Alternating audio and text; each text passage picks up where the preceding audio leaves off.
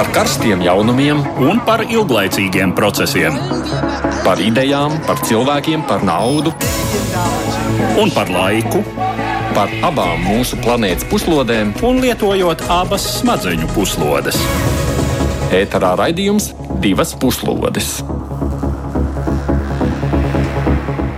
Labdien! 4. 9. jūlijas 3. pēcpusdienā. Tas ir laiks, kas atvēlēts raidījumam divas puslodes.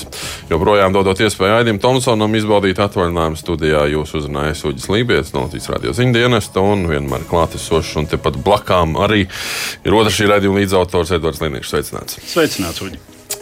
Un Tā kā abi esam šeit, tas tikai nozīmē, ka turpmāko stundu mēs atkal runāsim par pasaulē notiekošo. Un šodien lielāku uzmanību pievērsīsim šādiem trijiem lieliem tematiem.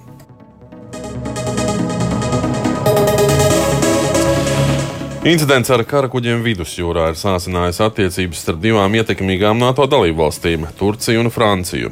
Lai arī Ankara norāda uz pārpratumu un viltu ziņām, aktualizējušās ir jau sen gruzdošās diskusijas par to, cik uzticams alianses partneris vispār ir Turcija. Un ko, piemēram, tās draudzēšanās ar Krieviju varētu nozīmēt gan aliansei, gan arī Eiropas drošībai.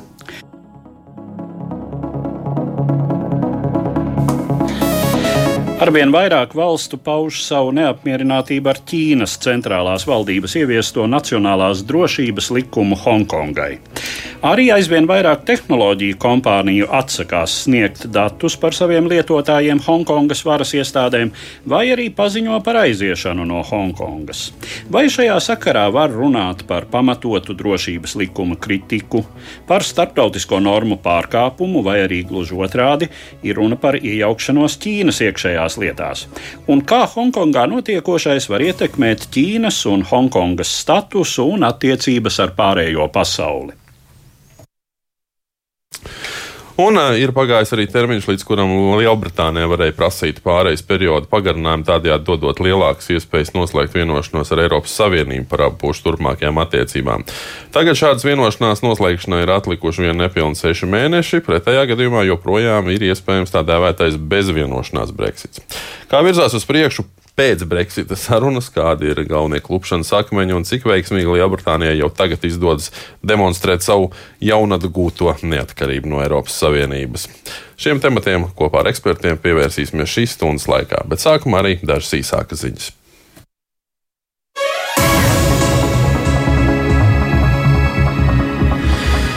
Ja ne gluži par vieglo garu, bet likteņa ironiju gan varētu nodēvēt koronavīrusa Covid-19 kaismīgā noliedzēja Brazīlijas prezidenta Žaira Bolsonaro negaidīto inficēšanos tieši ar šo slimību. Tas gan nav mazinājis 65 gadus vecā Bolsonaro apņēmību pretoties jebkādām kaitēm, paziņojot, ka simptomi ir ļoti viegli un gan jau šo mazo gripu izdošoties pārvarēt bez liekām krūtībām. Brazīlija ar 1,7 miljoniem inficēto cilvēku un 68 tūkstošiem mirušo ir slimības otrā visvairāk skartā valsts pasaulē. Un eksperti bažīs, ka situācija var būt vēl traģiskāka, jo Bolsonaro valdība ir atteikusies sniegt pietiekami lielu atbalstu vietējo cilšu pārstāvjiem, kas ir viena no riskam visvairāk pakļautajām grupām.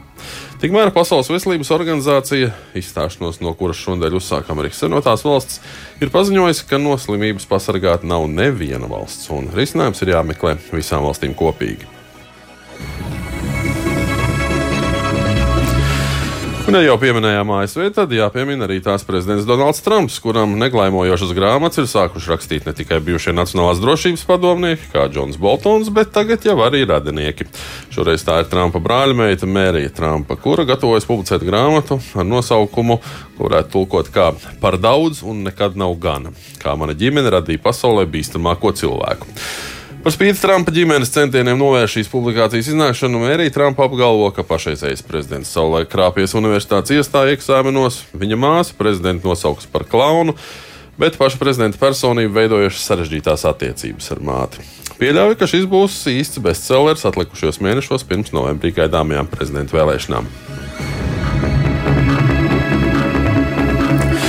Pagājušajā nedēļā jau daudz runājām par polijas prezidenta vēlēšanām. Pirms svētdienas gaidāmā balsojuma priekšvēlēšana cīņa izgājusi finiša taisnē, un gan novērojuši rietumu mediju, pašreizējais prezidents Andrzejs Duda savu popularitāti cenšas stiprināt, aktīvi vēršoties pret seksuālajām minoritātēm, vienlaicīgi mēģinot aizsniegt arī cilvēkus, kuri iestājas pret vakcināciju. Un, kā sakam, mēs būsim pret obligātu Covid-19 vakcīnu. Nu, tad, kad tā tiks izstrādāta, protams. Dudam atbalsts ir nepieciešams, jo aptaujas joprojām sola ļoti sīvu cīņu ar liberālo Varšavas mēru Rafaelu Časkovski. Starp citu, abiem kandidātiem šodien bija paredzēts televīzijas debats, un tās vienlaicīgi izlēma rīkot divas televīzijas kompānijas. Tā kā prezidents piekrita piedalīties tikai sabiedriskās televīzijas debatēs, rezultāts bija pat visai komisks. Divas debatas, kurā katrā piedalās pa vienam kandidātam, otru tribīni atstājot tukšu. Bet vēlēšanas aiz muguras jau Horvātijai, kas koronavīrus krīzes laikā ievēlēja jauno parlamentu. Daudziem par pārsteigumu, citiem uzskatot par likumsakarību, pārliecinošu uzvaru izcīnīja konservatīvā Horvātijas Demokrātiskā savienība. Gan arī 30 neatkarības gadus politiskajā dzīvē dominējusī partija absolūto vairākumu gan neiegūta. Turklāt parlamentā vietas iegūta arī visai radikāli noskaņot nacionālisti. Vēlēšana atskaņas bija dzirdamas arī Briseles gaitaņos, jo Eiropas komisijas vicepre, uh, prezidentei Urzlai Fonderleinai nācās skaidroties par piedalīšanos Horvātijas valdošās partijas slavinošā videoklipā. Komisijas runas vīram atlika vien atzīt, ka mēs visi reizēm pieļaujam kļūdas. Bet tagad gan sākumā minētie temati plašākā izklāstā, un vispirms par saspīlējumu ar Turciju. Francijai tas bija pēdējais piliens, Turcijai tas bija pārpratums. NATO tas var kļūt par pagrieziena punktu. Tā savu 7. jūlija rakstu, kas veltīts incidentam starp Francijas un Turcijas jūras spēkiem 10. jūnijā vidusjūras austrumu daļā iesāka aģentūras Reuters žurnālisti Džons Airišs un Robins Emons. Minētajā dienā Francijas kara flotes fregate, kas darbojas NATO kontrolas misijas sastāvā, pietuvojās kravas kuģim ar Tanzānijas karogu nolūkā inspicēt, vai ar to netiek vēsti ieroči uz Lībiju, tādējādi pārkāpjot apvienoto nāciju noteikto embargo. Taču franču kara kuģim ceļā stājās trīs Turcijas kara flotes kuģi, viens no kuriem pavērsis pret frančiem savu tēmēšanas radaru, pie tam tā jūrnieki atradušies pie vieglajiem ieročiem. Francijas aizsardzības ministrijai nākot klajā ar šo informāciju, Turcijas puse to nodēvējusi par pārpratumu un viltus ziņu izplatīšanu, apgalvojot, ka tās kara kuģi, kas darbojas tās pašas NATO misijas ietveros, konvojējuši kravas kuģi ar humanās palīdzības sūtījumu un pieprasījusi Francijas atvainošanos.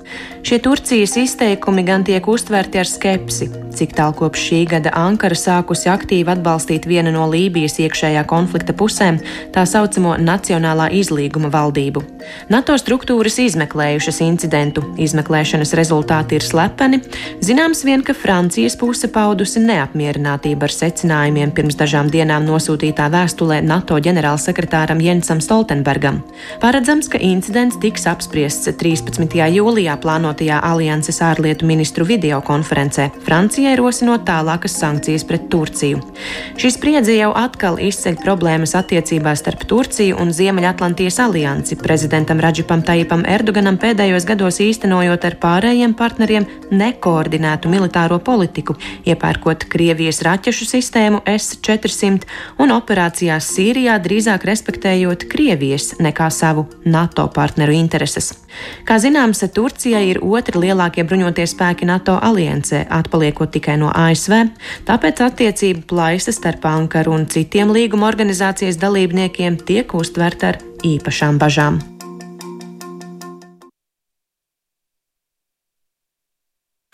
Un divas puslodes. Telefoniski šobrīd mums redzējumam pievienojas Latvijas ārpolitikas institūta pētnieks Aldis Austeris. Labdien! Halo! Austerkungs, vai jūs mūs dzirdat? Jā, ah, labdien, sveicināti, jā. Un arī portāla TVN žurnālists Rīgas Stradiņa universitātes doktorants Toms Rātvelders. Sveicināts! Sveicināti! Es šoreiz gribētu pirmo jautājumu uzdot tev, Tom. Nu, saspīlējums ar Turciju faktiski jau nav laikam nekas jauns, un šāds saspīlējums ir ļoti dažādos jautājumos. Mēs zinām, ka Turcija ar savu prezidentu Erdoganu priekšgalā nu, vienmēr cenšas iet nedaudz savu ceļu, gan reģionā, gan arī plašākā mērogā skatoties. Vai tā, tavuprāt, vienkārši muskuļu demonstrēšana un alkas pēc lielākas ietekmes NATO, vai varbūt tur ir kādi citi iemesli meklējumi? Nu, principā, ja mēs runājam par šo, kas noticis pēdējās dienās, tieši par šo principā, teikt, konfrontāciju vidusjūrā starp Turciju un Franciju, tad es vairāk to tomēr aicinātu skatīties vairāk no bilaterālās, jeb divpusējās attiecību prizmas, iesaistība, kas notiek mums Lībijā šajā laikā tieši. Nu, Sižeta sākumā jau principā pieminējām, ka Tur pagaidām notiek cīņas starp diviem principā konkurējušiem spēlētājiem. Viens ir uh, Halifa Haftara atbalstītais, uh, atbalstītais spēks, ko, ko principā teikt, uh, finansē Krievija, apvienotie Arābu Emirāti, tā izskaitā arī Francija, uh, arī, protams, nedaudz Jordānija, Eģipte un tādas valstis. Un uh, otrā pusē mums ir uh, saucamā Lībijas uh, izlīguma valdība, kuru atbalsta Turcija un nedaudz arī, nedaudz arī Katara. Uh, Uh, un lieta tāda, ka Haftara spēki it kā līdz šim bija dominējuši šajā konfliktā. Uh, bet pēdējos mēnešos, arī varbūt, ja mēs sekojam līdz ziņām, mēs redzam, ka Haftars uh, Turcijas militārās palīdzības dēļ ir uh, sācis atkāpties nedaudz no saviem militāriem iegūmiem un, principā, ir savā veidā nostādīts, uh, nostādīts atkāpšanās ceļa priekšā. Uh, lieta tāda, ka, ja mums ir šāda situācija, kurā notiek uh, militārs sadursmes uh, starp Haftaru un Lībijas Nacionālo izlīgumu valdību atbalsta Turcija, tad Turcija loģiski, ka šajā situācijā piegādās, uh, piegādās tos militāros materiālus tajā pašā līmenī, iespējams pat, pat aktīvāk. Uh, taču interesanti iespējams ir Francijas pozīcija šeit.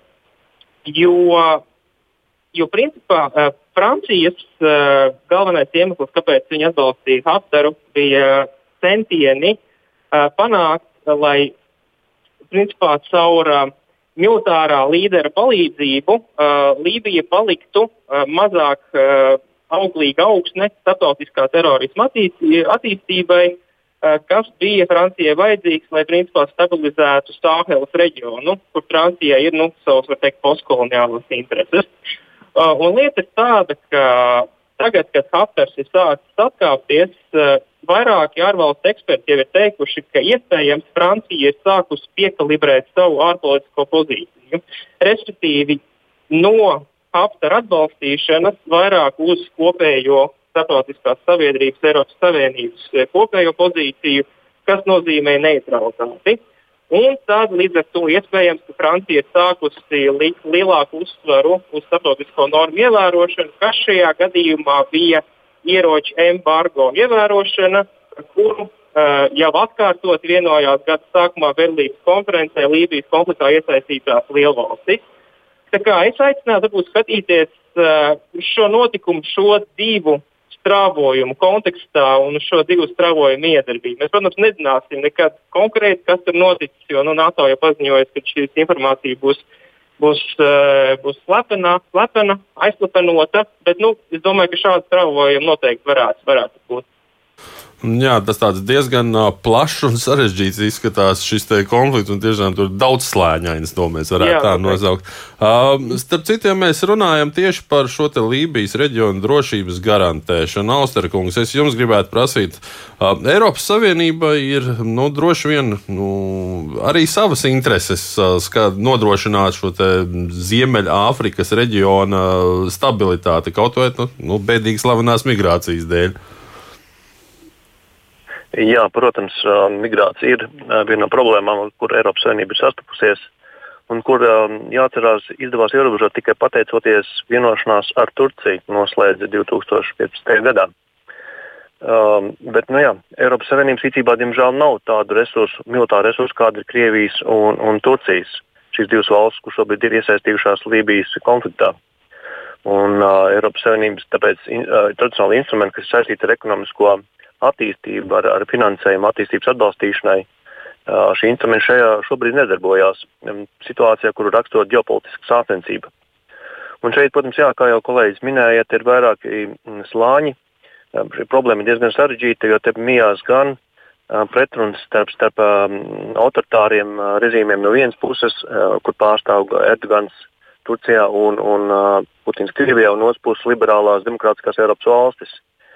Uh, otrs līmenis, otrs uh, tāds uzslāņojums, kurā jāsaka, šis konflikts ir uh, konflikts starp reliģiskajām kustībām un uh, tā saucamo islamisko izmu, kur pārstāv Erdogans, un sekulārajām valdībām, kuras savukārt ir uh, Eiropas Savienības, īpaši jau Francijas pusē, uh, šīs intereses un savā ziņā arī Krievijas pusē.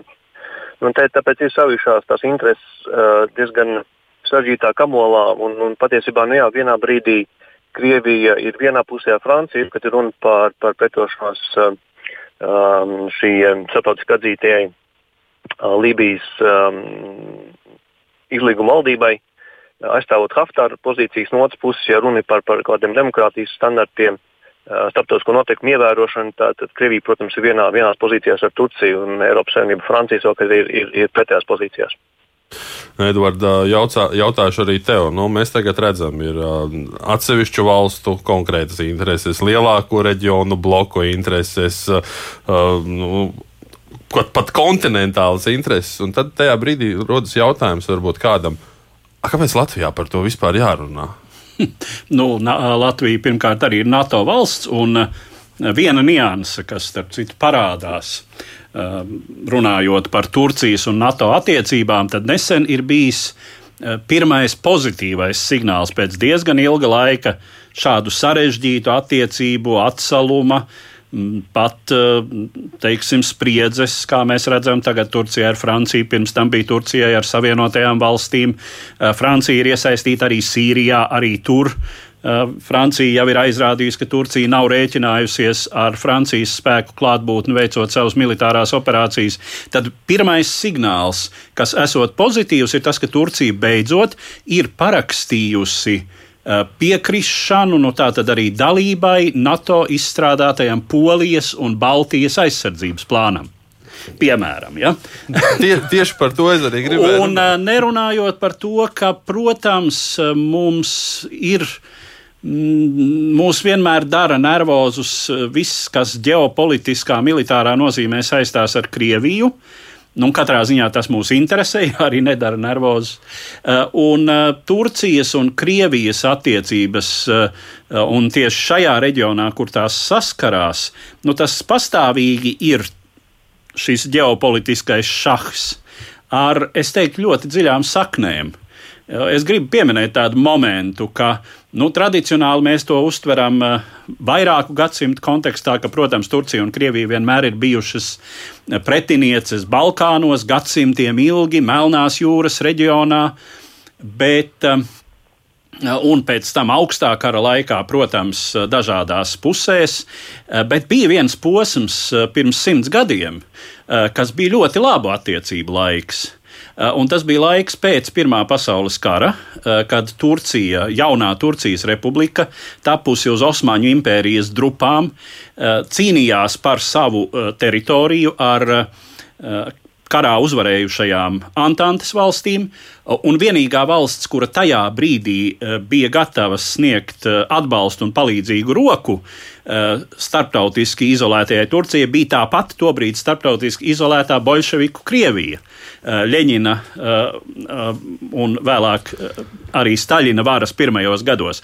Pēc tam Staļins šīs attiecības sabojāja, mēģinādams padarīt Turciju par Padomju Savienības satelītu valsti. Bet kādu laiku šīs attiecības bija ļoti labas. Un tagad, kad atkal abas šīs valstis ja nu gluži nav starptautiskā izolācijā, tad lūk ar problēmām teju ar visām ietekmīgākajām pasaules valstīm. Tādas ir Krievijai un tādas ir Turcijai. Nu, tāds tādu atrod varētu būt. Uh, un tāds tādu atkal, kas ir, kas ir absolūti šīs Normāli. reģiona izkārtojuma loģika. Uh, es gribētu to vēl te prasīt. Es, šeit jau Edvards pieminēja šo Turcijas nu, atbloķēšanu NATO plānam, Polijas un Baltijas valsts aizsardzībai. Iemesls bija uh, prasība, Turcijas prasība atzīt kurdu kaujiniekus Ziemeļsīrijā par teroristiem. Uh, nu, tātad mēs atkal redzam, ka no vienas puses nesaistīta ziemeļu drošība ir tiek sasaistīta ar uh, Sīrijas konfliktu, kurā nu, mēs arī nemaz īsti neesam iesaistīti. Uh, kā šis Sīrijas konflikts, kā Turcijas loma pēdējā laikā šajā konfliktā ir um, attīstījusies, varbūt pastāstīt? Uh, nu, principā, kādu pareizi pilnīgi teici, uh, Sīrijas jautājums uh, būs sasaistīts principā ar, uh, ar visu NATO drošību, jo principā Turcija ir NATO dalība valsts un Sīrija vēsturiski Turcijai ir bijusi arī ļoti strateģiski svarīga valsts. Un principā turku kurdu jautājums uh, ir tikai šī, te var teikt, strateģiskā svarīguma stāsta, stāsta turpinājums. Un, uh, principā es domāju, ka ir pozitīvi tas, ka Altijas atzības plāns uh, Polijai, uh, Polijai un Baltijas valstīm ir ticis pieņemts.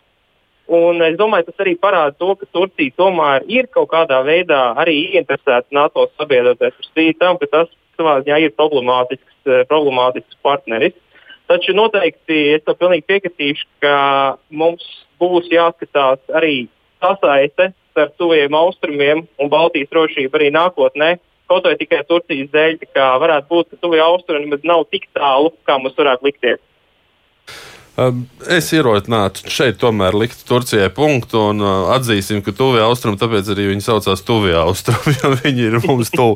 Bet jā, šobrīd es teikšu arī paldies TVNet žurnālistam un Rīgas Stradiņa universitātes doktorantam Tomam Rātfelderam. Paldies tev!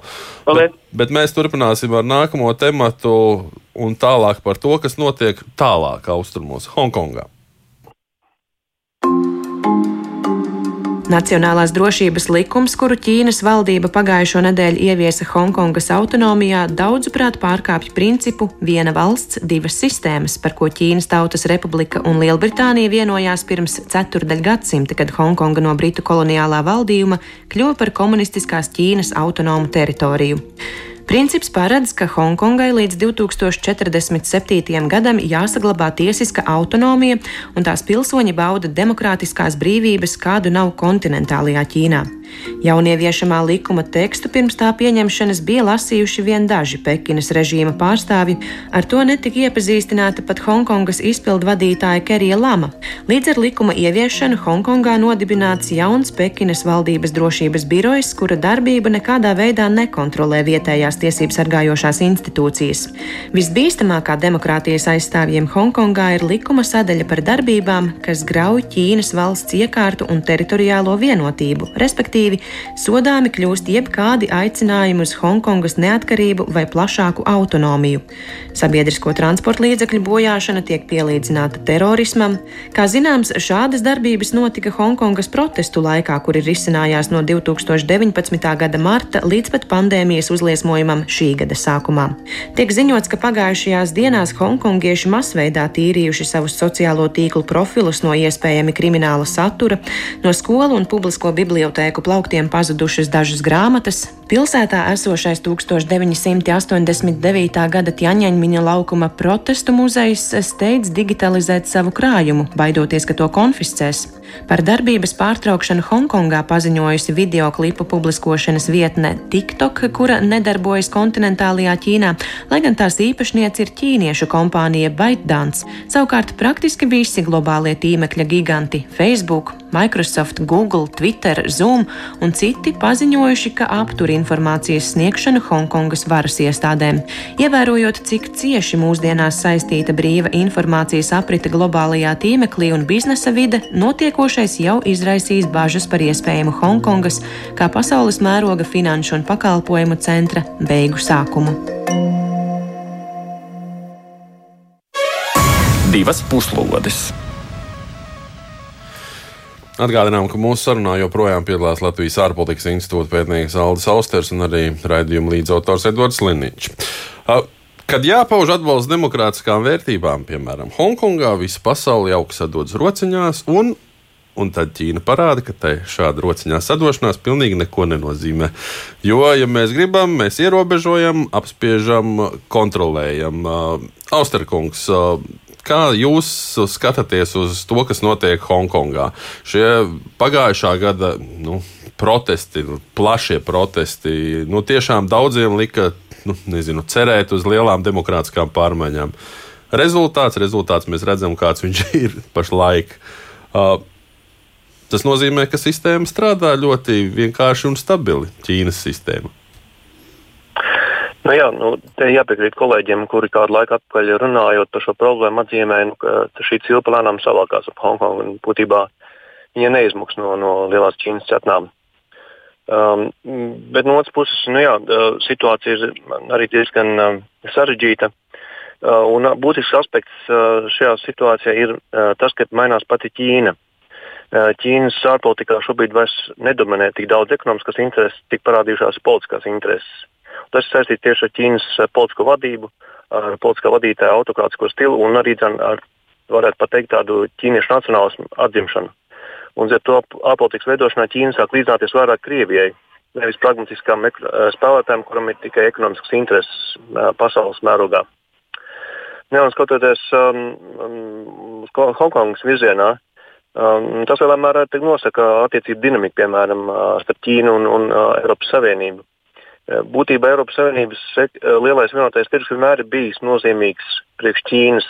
Un, eh, ja Eiropas Savienība spētu mm, vienoties un ierobežot Ķīnas piekļuvi šim kopīgam tirgum, tas būtu ļoti ietekmīgs instruments, kas spētu iedarboties Ķīnu. Tāds bija līdz šim. Vai tas tā būs turpmāk, par to ir grūti teikt. Patiesībā parādās šaubas, jo ir redzams, ka iespējams teikt, ka Hongkongas pa Ķīnu būtu gatava upurēt ekonomiskās intereses.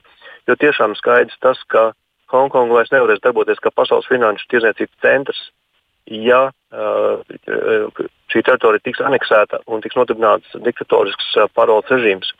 Jo tādā gadījumā pirmkārt jau Hongkongai var tikt atcelts īpašais status attiecībās ar ASV, kas nodrošina to, ka būtībā ka, nu, tas, uh, šis status dod uh, suverēnai valstī līdzvērtīgu status uh, attiecībās ar ASV.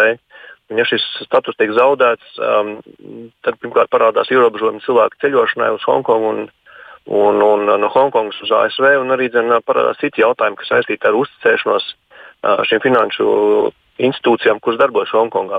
Es, es gribēju nedaudz precizējumu, vai es pareizi sadzirdēju, ka jūs noteikti, norādījāt, ka Ķīna būtu gatava upurēt Hongkongas šo statusu pat par spīti savām ekonomiskajām ambīcijām pasaulē.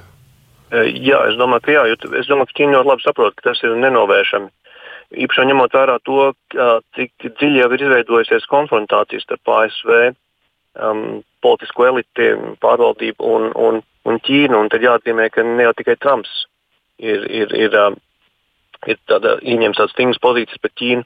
Arī amerikāņu demokrātiem ir, ir bažas par Ķīnu, par to, kā Ķīna uzvedas starptautiskajā um, tirzniecībā un arī starptautiskajā politikā. Līdz ar to šī konfrontācija starp ASV un Ķīnu patiesībā tikai padziļināsies neatkarīgi no ASV prezidenta vēlēšanu rezultātiem šī gada rudenī.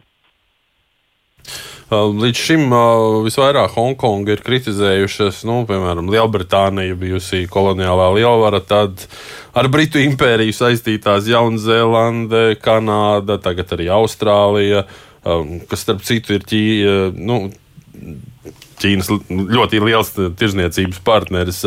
Domājat, šī ir tāda saskaņota bijušā klubiņa vai, vai britu klubiņa reakcija, Edvards? Nu, tas būtu tikai loģiski. Tās ir britu sadraudzības valstis. Un tur nav tikai kaut kādas vēsturiskās saiknes, lai gan tās arī ir. Un Lielbritānija, protams, jūt atbildību, jo Lielbritānija bija tā, kura toreiz panāca šo vienošanos. Protams, mēs varam teikt, ka tā atdošana Ķīnai lielā mērā bija neizbēgama, jo tas bija nomas līgums uz 99 gadiem, eh, un Ķīna jau tobrīd bija pietiekami eh, militāri un arī starptautiski politiski spēcīga, eh, lai Lielbritānijai būtu iespēja tikai izkaulēt salīdzinoši labu vienošanos Hongkongai, labvēlīgu vienošanos, kāda arī tika toreiz panākta. Uh, un tā bija toreizējā Ķīnas valdības nostāja un toreizējās intereses, ka Ķīnas valdībai bija svarīgi ieiet šai starptautiskajā ekonomikas apritē, dabūt investīcijas, uh, iegūt tehnoloģijas, iegūt šo pātrinājumu momentu, uh, kas nebija iespējams bez zināmas uzticības un, uh, nu, teiksim, tādas uh, reputācijas, kas vēlāk izrādījās diezgan iluzora, ka Ķīna varētu pakāpeniski demokratizēties. Ķīnai tobrīd Hongkonga bija tas loks. Uz pārējo pasauli. Tagad Ķīna ir atradusi ļoti daudz citu alternatīvu. No otras puses, Hongkonga ir Ķīnai kļuvusi bīstama, jo ne jau Ķīna nav absolūti monolīta. Kaut, protams, Ķīnas teiksim, šie okeānam tuvākie rajoni ir, ir valsts lielākā daļa, gan iedzīvotāju skaita ziņā, gan ekonomiski, un tur dominē ķīnieši, un tur Ķīnas kompartijas vāra un vispār teiksim, šī, šī valsts sistēma ir nepārprotami stabila, bet tālākie reģioni rietumos, kas ir Tibeta, kas ir Uiguru autonomais apgabals, iekšējā Mongolija, šie rajoni, nu, tiem arī ir zināmas tendences, vēsturiski mēs to ļoti labi zinām, etniskās atšķir, etniskā atšķirīguma dēļ, reliģiskā atšķirīguma dēļ un tā tālāk. Un, teiksim, turēt savā teritorijā šo demokrātijas bacili. Ja? Kā to savā laikā arī uztvēra Eiropas valstis, ka tas varētu būt demokrātijas infekcijas avots, kas saslimdinās totalitāro Ķīnu ar demokrātijas infekciju. Eh, Ķīnas eh, imūnsistēma, totalitārā imūnsistēma ir izrādījusies pietiekami spēcīga. Eh, atkal, gan, mēs, atkal mēs no tiem vīrusiem nekur netiekam. Bet, nu, runājot par to, ka, jā, nu, protams, ja, Hongkongu, ja Hongkonga beigs pastāvēt tāda, kāda tā ir, no turienes būs emigrācija.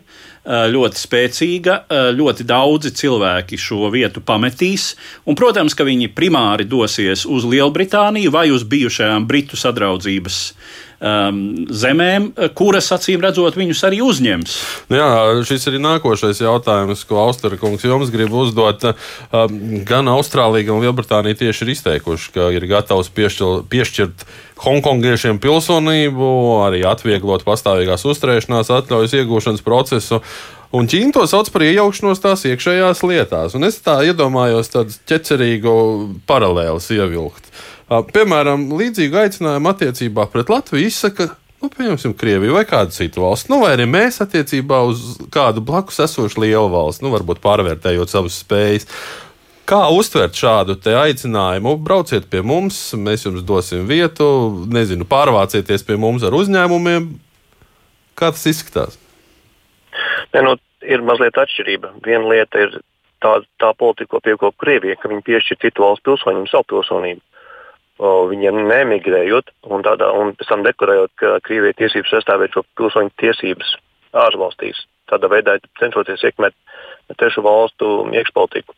Nu, šeit runa ir pilnīgi par citu procesu. Procesu, kurā uh, paredzot to, ka iespējams būs liels bēgļu straumes, jo laicīgi tiek dots iespējas uh, cilvēkiem, kuru, protams, ņem, jāņem vērā, ka Hongkongā ir turīgi cilvēki dzīvo ar, ar islāma prasmēm, finanšu jomā un zināšanām, ka viņiem jau tiek sagatavots saka, zaļais, zaļais koridors dzīvē ASV, Austrālijā un citās pasaules valstīs. Nu, bet kā ir arī teicis Lielbritānijas ārlietu ministrs Dominiks Rāps, nu, viņi diezgan baidās par to, ka šiem cilvēkiem vienkārši netiks dot iespēja nekur izceļot. Nu, tāda iespēja arī pastāv. Tas gan ir jautājums, vai Ķīnai vajadzētu, vai Ķīna gribētu, bet, nu, ja mēs skatāmies, nu, teiksim, noturēt šos cilvēkus pie sevis, Bet, lai gan, nu, ja mēs skatāmies uz vēsturiskām analoģijām, un te, protams, ir analoģija ar Padomju Savienību savā laikā, tad, jā, nu, pakāpeniski tās robežas tika noslēgtas. Un, ja teiksim, pagājušā gadsimta 20. gados vēl uz Rietumu Eiropu no Padomju Savienības varēja gan aizbraukt uz kādu laiku, gan emigrēt, tad, nu, teiksim, Staļinam konsolidējot savu vāru, šī, šīs robežas tika noslēgtas un palika noslēgtas faktiski līdz pat Padomju Savienības sabrukumam lielā mērā.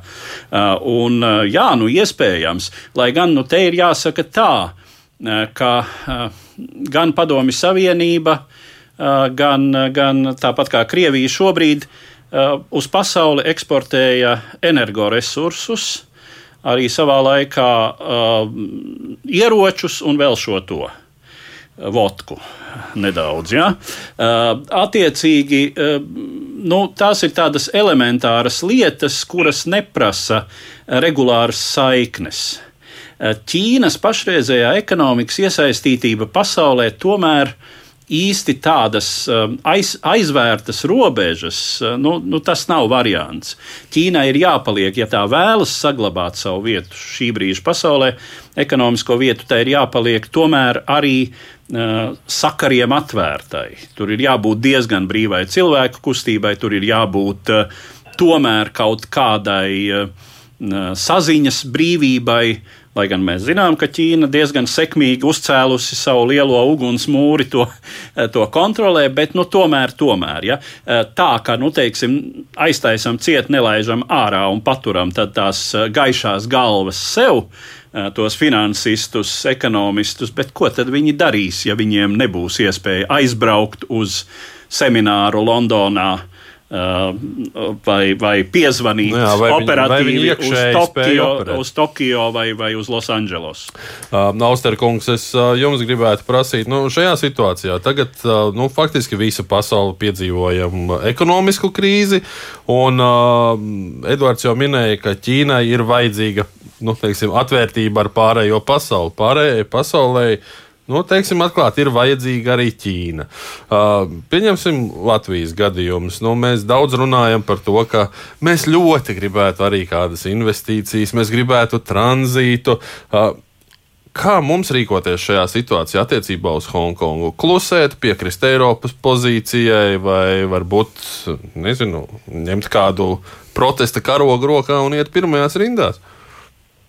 Nu, te ir divi aspekti. Vispirms eh, jāpalūkojas, kas notiek pasaulē pēc šīs ekonomiskās eh, recesijas, ko mēs redzam, ka patiesībā sabrūk tradicionālās globālās piegāžu ķēdes un veidojās eh, būtībā jau bija sācis veidoties jau gadu atpakaļ. Tehnoloģiskais konflikts starp divām pasaules ekonomiskām lielvarām, starp Ķīnu vienā pusē un ASV otrā pusē.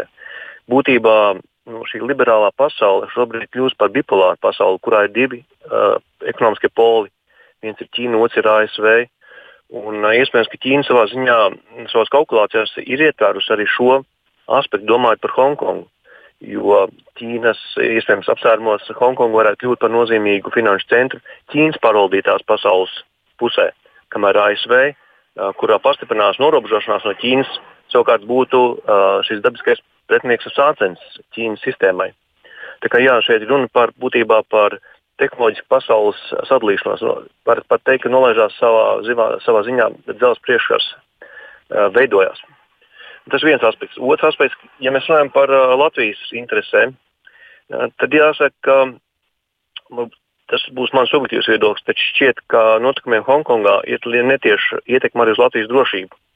Jo, ja starptautiskā sabiedrība un vietama īpaši ne, nespēs vienoties par kaut kādām sankcijām un ierobežot Ķīnu attiecībā uz viņas uh, nu, jāsaka, pretlikumīgo rīcību Hongkongā, jo Ķīna nerīkojas saskaņā ar starptautisko vienošanos, ko viņa parakstījusi par šīs teritorijas statusu.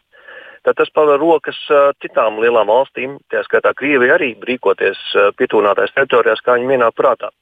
Un tāpēc, ja Hongkongas aneksija notiks tā, kā viņa šobrīd attīstās, un nesekos nopietnā starptautiska reakcija īpaši no Eiropas Savienības puses, tad jāsaka, ar Latvijas un Baltijas drošību ir, ir, ir nu, daudz, daudz apdraudētāka.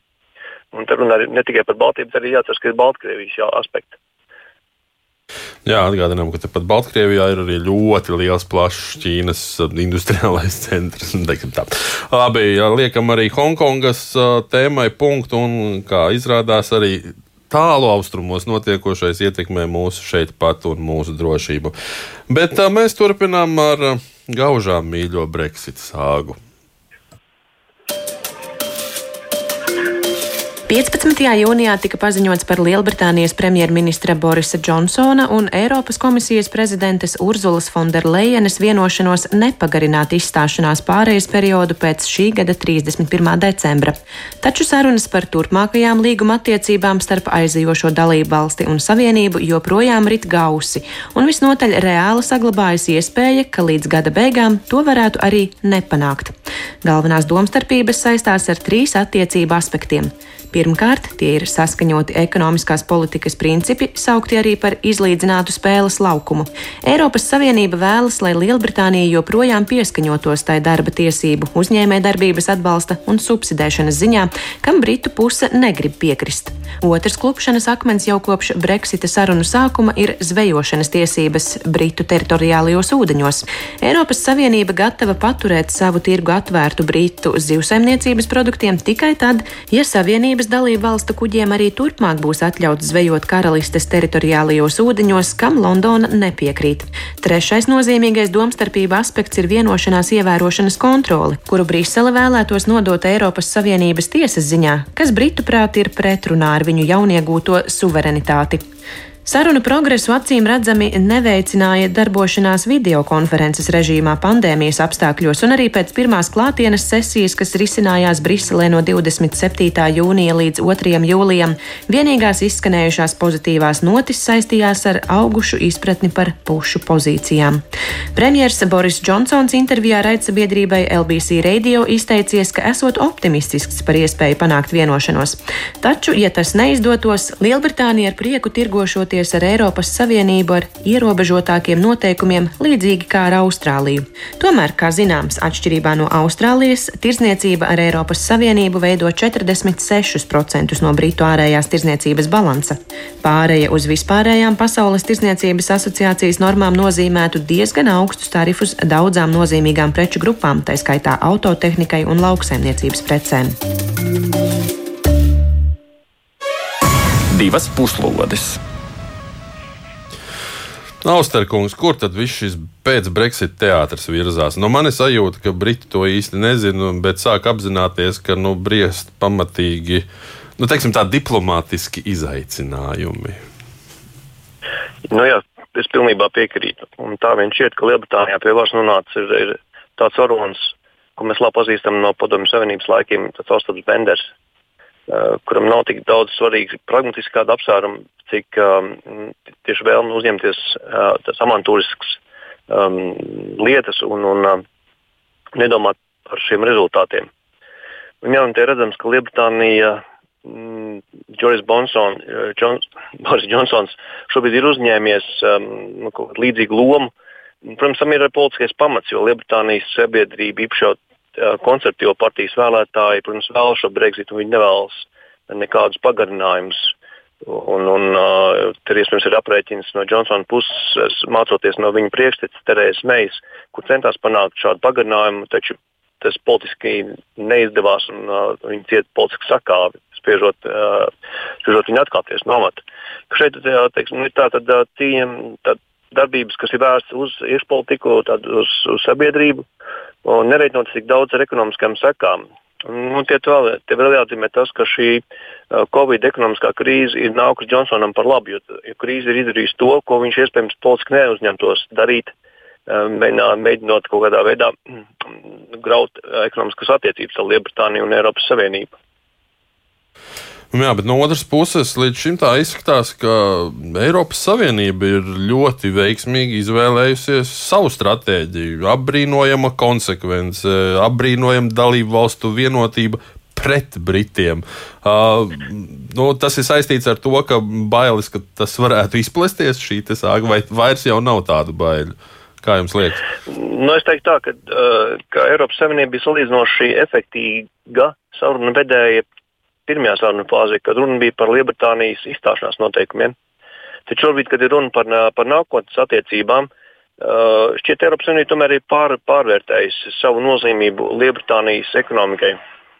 Jā, protams, ir šīs ekonomiskās saites tiešās, taču no otras puses jau redzams, ka Džonsons visiem spēkiem cenšas pierādīt savai sabiedrībai, ka Lielbritānija tur iet pilnīgi neatkarīgu ceļu, ka viņai nav vajadzīga Eiropas Savienība, ka ļoti labi var izdzīvot arī nodibinot labas tirdzniecības attiecības ar, ar ASV un, un Austrāliju.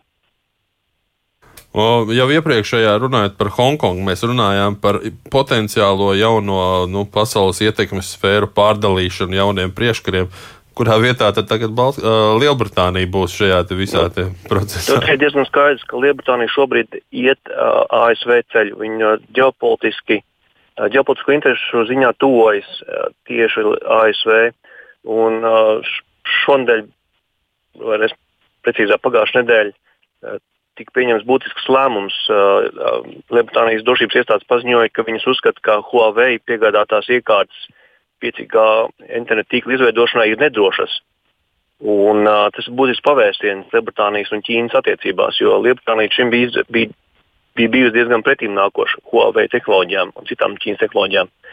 Un tas vienkārši nozīmē to, ka jā, arī politiski, ārpolitiski Lielbritānija tuvojas mm, vairāk ASV nekā Eiropas Savienībai, kurā, piemēram, Vācija vēl joprojām un arī Francija joprojām ir, ir diezgan atvērtas Ķīnas, Ķīnas tehnoloģijām. Un šeit man atkal gribētos uzdot jautājumu par to, cik daudz tas ir jauniegūtās pastāvības vai patstāvības, nekam tā būtu pareizi, patstāvības uh, pierādījums vai nu, kāda lielāka drauga mājiens par to, kā būtu jārīkojas. Kā tev liekas, Edvard? Nē, nu es domāju, ka mēs jau paši no savas samērā nesenas vēstures atceramies, ka kāda nu, teiksim, inerce un tā, tā skaitā tāda emocionāla, tāda pozicionēšanās un izjūtas inerce ir šai uh, jebkurai secesijai. Ne, neatkarīgi no vēstures, no motīviem un tā tālāk. Nu, mēs atceramies, ka uh, tās pirmie neatkarības gadi bija diezgan problemātiski arī mūsu attiecībās ar mūsu kaimiņiem, ar Lietuvu un Igauniju. Un tā Baltijas vienotība uh, Tā iestājās tikai pamazām. Mums, atcerieties, bija reņģu kari un, un nesaprašanās par būtiņas naftas termināli un tā tālāk. Un tā tālāk. Un, un robežas bija ciet, ja, un, un bija te vai jāņem vīza, lai, lai, valka, lai tiktu no valkas uz valgu. Ja. Tā tad to mēs varam šobrīd atcerēties kā murgu. ja? Eh, nu, respektīvi, tā, tad, eh, tā izjūta, ka mēs esam tikuši ārā un, un šī situācija ir jāeksploatē pēc iespējas un jāpierāda. Nu, galu galā, eh, teiksim, zivsaimniecība ir neliela, ekonomiski nu, ļoti salīdzinoši neliela daļa. Nu. Bet, bet tas bija viens no galvenajiem motīviem. Mūsu zivis ir mūsu zivis, un mēs tās smelsim, un citi nē. Un tās vajag skotiem, un tās vajag kornvaliešiem, nevis kaut kādiem frančiem, vai nīderlandiešiem, vai dāņiem tur ļaut smalstīties mūsu ūdeņos. Ja? Uh, principā uh, nu, šo, šo vienošanos lielā mērā traucē panākt. Uh, panākt tas, lai gan es no otras puses domāju, ka nu, te jāpiekrīt Austerkungam, un Austerkungs mazliet varbūt nonāca ar tādā pretrunā. Viņš saka, ka nu, Džonsons ir avantūrists lielā mērā. Eh, kurš spēlē šo politisko spēli īsti neapzinā, neapzinoties tos, eh, tās, tās iespējamās sekas un konsekvences, un ko tad īsti nozīmē eh, teiksim, šo saikņu saraušana. Un, un nu, tajā pašā laikā nu, teiksim, tas motīvs, ka Eiropa sāk apzināties, ka Lielbritānijai tā nemaz nav vajadzīga. Es domāju, ka tomēr drīzāk Eiropa adekvātāk novērtē situāciju, un tie ir tīri kvantitatīvi un absolūti virspusē esoši skaitļi, cik, teiksim, Lielbritānijas daļa ir Eiropas ārējā tirdzniecībā un cik ir Eiropas daļa Lielbritānijas ārējā tirdzniecībā, un kurai ekonomikai tie tarifi varētu būt nepatīkamāki tomēr.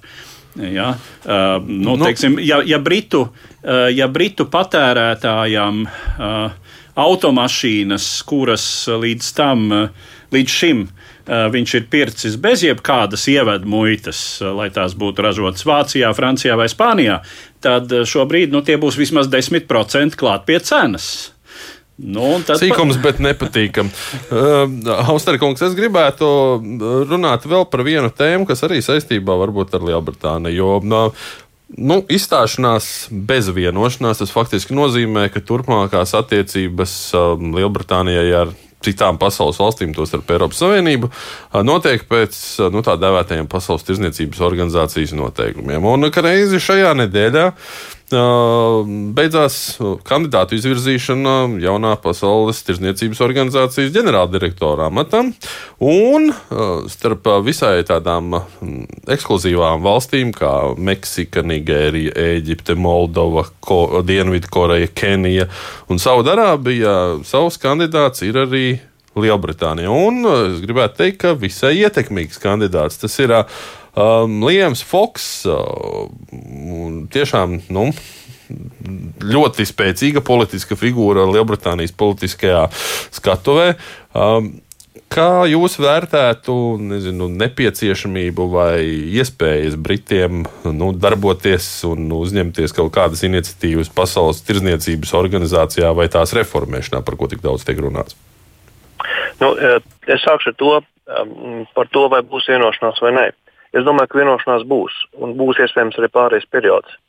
Eh, taču iekšpolitisko apsvērumu dēļ eh, vienošanās par šo, šo pārējais periodu tiks panākta pašā pēdējā brīdī, Es teiktu, tas būs visticamāk oktobris. Un, jā, mēs varam teikt, ka būs noklāts termiņš, lai to visu varētu nostiprināt starptautiskajā līgumā un ratificēt valstīs, visās Eiropas Savienības valstīs. Tas šķiet, vismaz šajā aspektā, Džonsona aprēķins ir pareizs, jo arī uh, pārējais periods jā, jā, ir Eiropas Savienības interesēs. Un, ja vajadzēs, tad šo, uh, šīs izmaiņas ratificēs arī ļoti īsā periodā. Un, nu jā, un, teiksim, un tāpēc Džonsons šobrīd noraida kādas, kādus pārējais periodus, jo viņam šķiet, ka tas ir par ātru, jo tas ļaus viņu politiski, politiski kritizēt Lielbritānijā. Jo jāatcerās, ka Lielbritānijas sabiedrība, Torija vēlētāji, viņi šobrīd ir par Lielbritānijas aiziešanu Eiropas Savienības pēc iespējas ātrāk un bez jebkādām pārējais periodiem. Un pareizi atzīmēja uh, vakar viens Eiropas parlamenta deputāts, kurš teica, ka būtībā konservatīvo partija šobrīd kļūst par, par Angļu nacionālas partiju. Un no šī, no šī skatu punkta ir jāvērtē arī Džonsona rīcība. Ja mēs runājam par, par uh, Pasaules tirniecības organizāciju un, un Lielbritānijas kandidātu šīs organizācijas vadītāja amatam, nu, jāsaka, ka lielā mērā viņas izveids noteiks tas, vai būs vai nebūs vienošanās starp ASV un Eiropas Savienību un citām valstīm par, par kādiem par kandidātiem. Jo, principā, trešajām valstīm, kā Lielbritānija šobrīd, pavērs iespēju izvirzīt savus cilvēkus augstos amatos tikai tad, kad lielās valsts savā starpā nespēja vienoties par vienu kandidātu. Ja lielās valsts vai bloki teiksim, tā, spēs vienoties, tad Lielbritānijas kandidātam, protams, nekādu uh, iespēju nebūs. Bet šobrīd par to ir grūti prognozēt. Jāstāsta, eh, kādas kandidātus izvirzījuši ir pārējās valstis un, un kāda būs Eiropas Savienības pozīcija, kāda būs ASV pozīcija. Nu jā, tas mums droši vien šajā vasarā priekšā stāv. Um, šajā brīdī saku abiem kungiem jums paldies. Uh, Latvijas ārpolitikas institūta pētnieks Aldis Austers uh, un arī Edvards Liniņš šeit pat studijā. Mums ir laiks noslēgt savu raidījumu, un studijā šoreiz bija Esuģis Lībietis, uh, mūsu producents šodien Loreta Bērziņa. Paldies, ka klausījāties. Vēl tikai atgādināšu, ka gan šo raidījumu, gan arī visus citus Latvijas radio viļņos skanējušos ārpolitikai veltītos sižetus varat atrast, pievienojoties mūsu Facebook grupai ārpolitika tūplānā. Un uz sadzirdēšanos atkal pēc nedēļas, šajā pašā laikā, šajā pašā vietā, kad lūkosim, kas noticis šīs planētas abās puslodēs.